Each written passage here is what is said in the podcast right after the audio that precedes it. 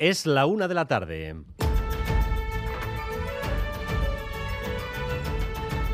Crónica de Euskadi con Dani Álvarez. A León, hoy se ha presentado la séptima encuesta sociolingüística de Euskadi. Es la medición periódica sobre el uso y el conocimiento del euskera. Su primera edición fue en 1991 y la anterior databa del año 2016. El relato sobre el euskera cambia, o tendrá que cambiar, porque 30 años después, el euskera ya no es un idioma de implantación rural y envejecido. El euskera es un idioma de jóvenes. La inmensa mayoría conoce la lengua, demostrando que las políticas de recuperación del idioma funcionan. Tres de cada cuatro jóvenes vascos y vascas saben hablar euskera. Y dentro de ese grupo, aproximadamente la mitad lo utilizan de forma intensa. Y otro porcentaje similar lo utiliza, aunque menos que el castellano. Son una franca minoría aquellos que no han accedido aún al aprendizaje del euskera. Tres de cada cuatro jóvenes conocen el euskera, la mitad de ellos lo usan con naturalidad. El debate, por tanto, queda instalado ahora en el nivel de uso. Y no solo esto, a pesar de discusiones y sentencias judiciales, la mayoría de la población cree que para trabajar en la administración hay que saber euskera. Fermín Alberdi. El gobierno vasco se siente avalado en sus políticas lingüísticas al ver que crece el apoyo de los encuestados a pedir euskera en la administración, un 74% está a favor, o en la educación, un 90%.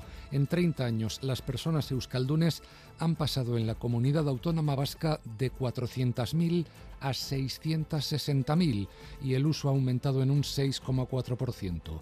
Al mismo tiempo, la sociedad que muestra esta séptima encuesta sociolingüística quiere casi en un 90% un futuro en los dos idiomas, euskera y castellano. Enseguida los datos en detalle de esta nueva encuesta sociolingüística. Antes, jornada de paro de las trabajadoras de la limpieza subcontratadas por Osakidecha.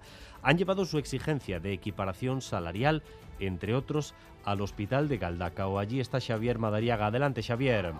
Vaya Rachaldeón, trabajadoras subcontratadas de la limpieza de Basurto, Cruces y Galdacao se concentran a esta hora a las puertas de este hospital. No las equiparan con las limpiadoras directamente contratadas por Osakidecha y ese es, esa es la gota que ha colmado el vaso. Además de nuevas movilizaciones, ahora van dos semanas a la huelga, paros que hay que sumar a los que ya venían haciendo desde abril del año pasado y que en plantas y consultas de nuestros hospitales cada vez se dejan notar más.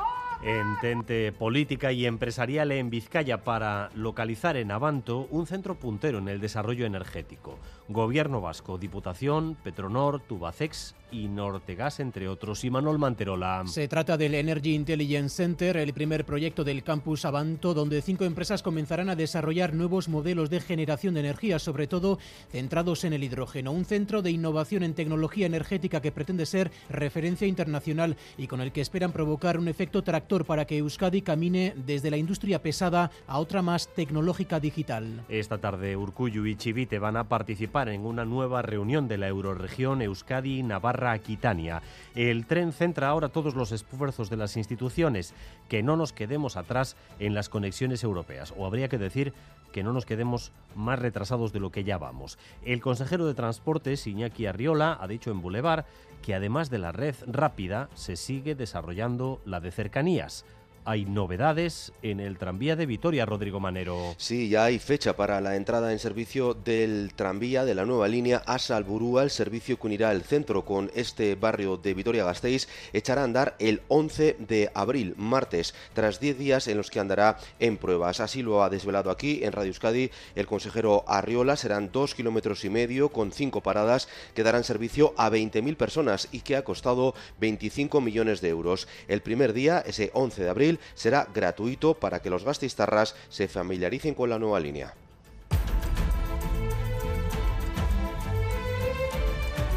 A punto de cumplirse 13 meses de la invasión de Ucrania, Vladimir Putin va a ofrecer hoy y mañana una imagen al mundo de que no está tan solo como muchos desearían.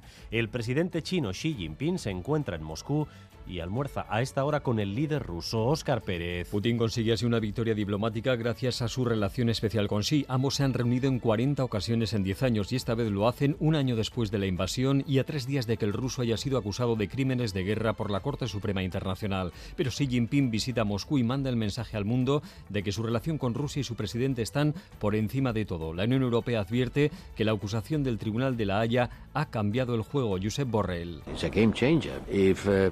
Si el presidente Putin viaja a uno de los más de 130 países que han firmado el acuerdo de la Corte, deberá ser detenido, ha recordado Borrell. Pero Putin desafía a la Haya. Este fin de semana ha viajado a Crimea y Mariupol y hoy ha anunciado que han abierto una investigación criminal contra el tribunal y los jueces que le acusan.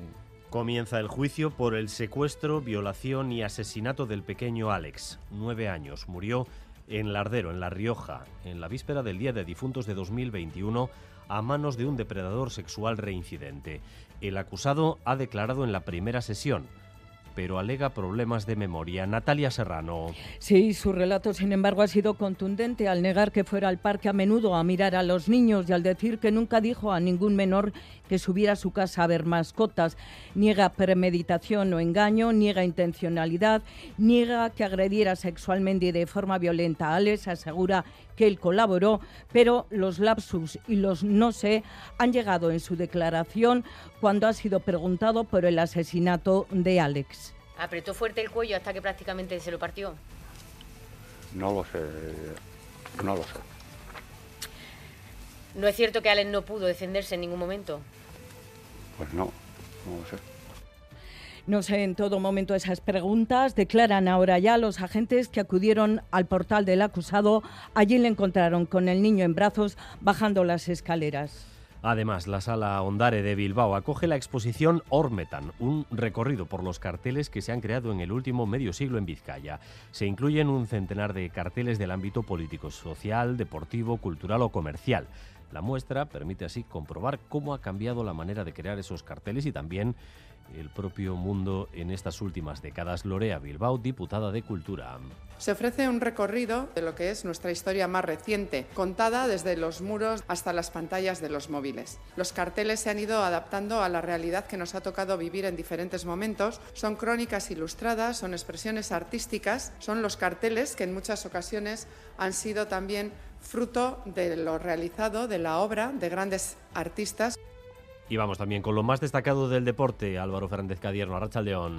León hoy con una cita deportiva, pero cita de altura. En segunda división en Andúba a las 9, Mirandes Eibar, si ganan los armeros, seguirán primeros, pero ojo con cuatro puntos ya de ventaja sobre sus perseguidores y en el tráfico dos cortes que deben tener en cuenta para esta próxima noche. Irache Ruiz. Sí, sepan que a partir de esta noche se cerrará la Nacional 634 a su paso por Usurbil. La Diputación procederá a la poda y tala de árboles en los márgenes de la calzada y se cortará el tráfico de 10 de la noche a 6 de la mañana desde hoy y hasta el viernes. La vía alternativa será la A8. También se cerrará dos noches el puente de Deusto. Para minimizar las vibraciones se renovarán los casquillos de los dos cerrojos del puente que presentan cierto grado de desgaste, según informa el Ayuntamiento de Bilbao. Se cortará el tráfico las noches de mañana martes y del miércoles. Además, a esta hora se recomienda circular con precaución por la Vizcaya 635 en Música. Dos turismos han colisionado en sentido Guernica. A partir de las 4 de la tarde entraremos oficialmente en primavera y lo hacemos con una jornada soleada, algunas nubes dispersas, pero temperaturas en general